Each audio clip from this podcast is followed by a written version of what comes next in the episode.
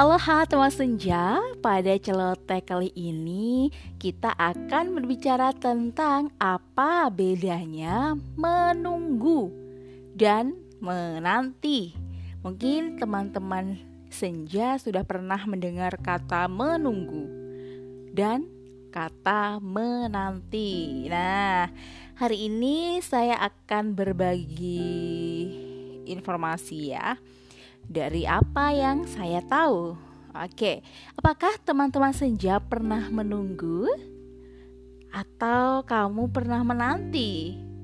Eh, bagaimana rasa keduanya? Beda atau sama?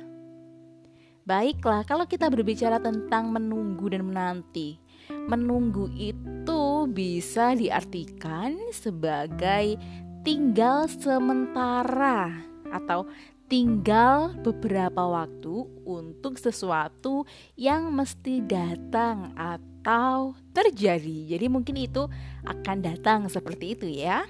Contoh nih, ada contohnya.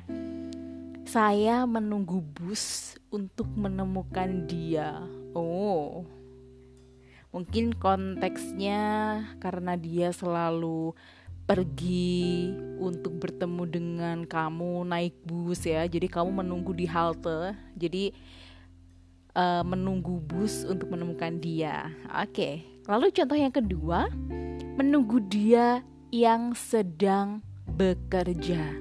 Menunggu dia yang sedang berjuang. Oh, berjuang mungkin berjuang untuk bisa menemui kamu, untuk bisa bersama dengan kamu. Nah, seperti itu ya untuk menunggu.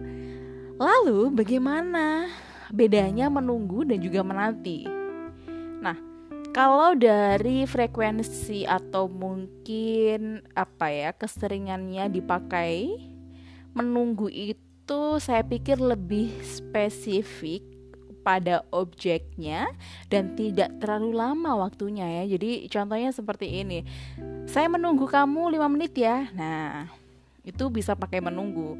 Tapi kalau menanti, uh, apa itu menanti? Menanti adalah menunggu sesuatu yang masih jauh dari depan mata atau bahkan yang dalam bayangan. Uh. Nah, untuk yang konteks menanti, ini biasanya lebih puitis ya dipakainya. Nah, oke. Okay. Contoh nih, contoh. Dia menanti seseorang yang jauh di pelupuk mata. Hmm. Lalu, contoh kedua. Aku telah menantimu sekian lama, jadi tapi kau tak datang juga. Oh, aku telah menantimu sekian lama, tapi kau tak datang juga. Wah, ini efeknya jadi kecewa ya. Jadi menunggu itu biasanya lebih dekat daripada menanti dari contoh-contoh dan konteks-konteks tadi. Nah, bagaimana? Apakah sudah punya gambaran apa bedanya menunggu dan menanti? Hmm, teman senja bisa nih membuat satu imajinasi konteks dan juga bisa praktik bagaimana cara menggunakan kata menunggu dan juga menanti.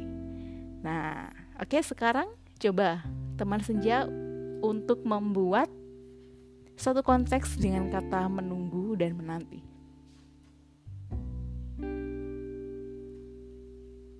Oke, okay, sip. Nah, demikianlah perbedaan menunggu dan juga menanti. Apakah kamu setuju dengan perbedaan itu?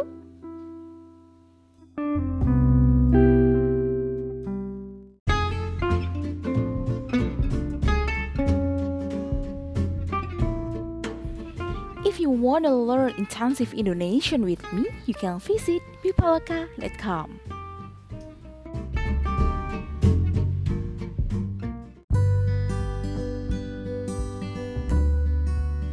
Terima kasih sudah mendengarkan celoteh episode kali ini. Sampai jumpa di celoteh episode berikutnya.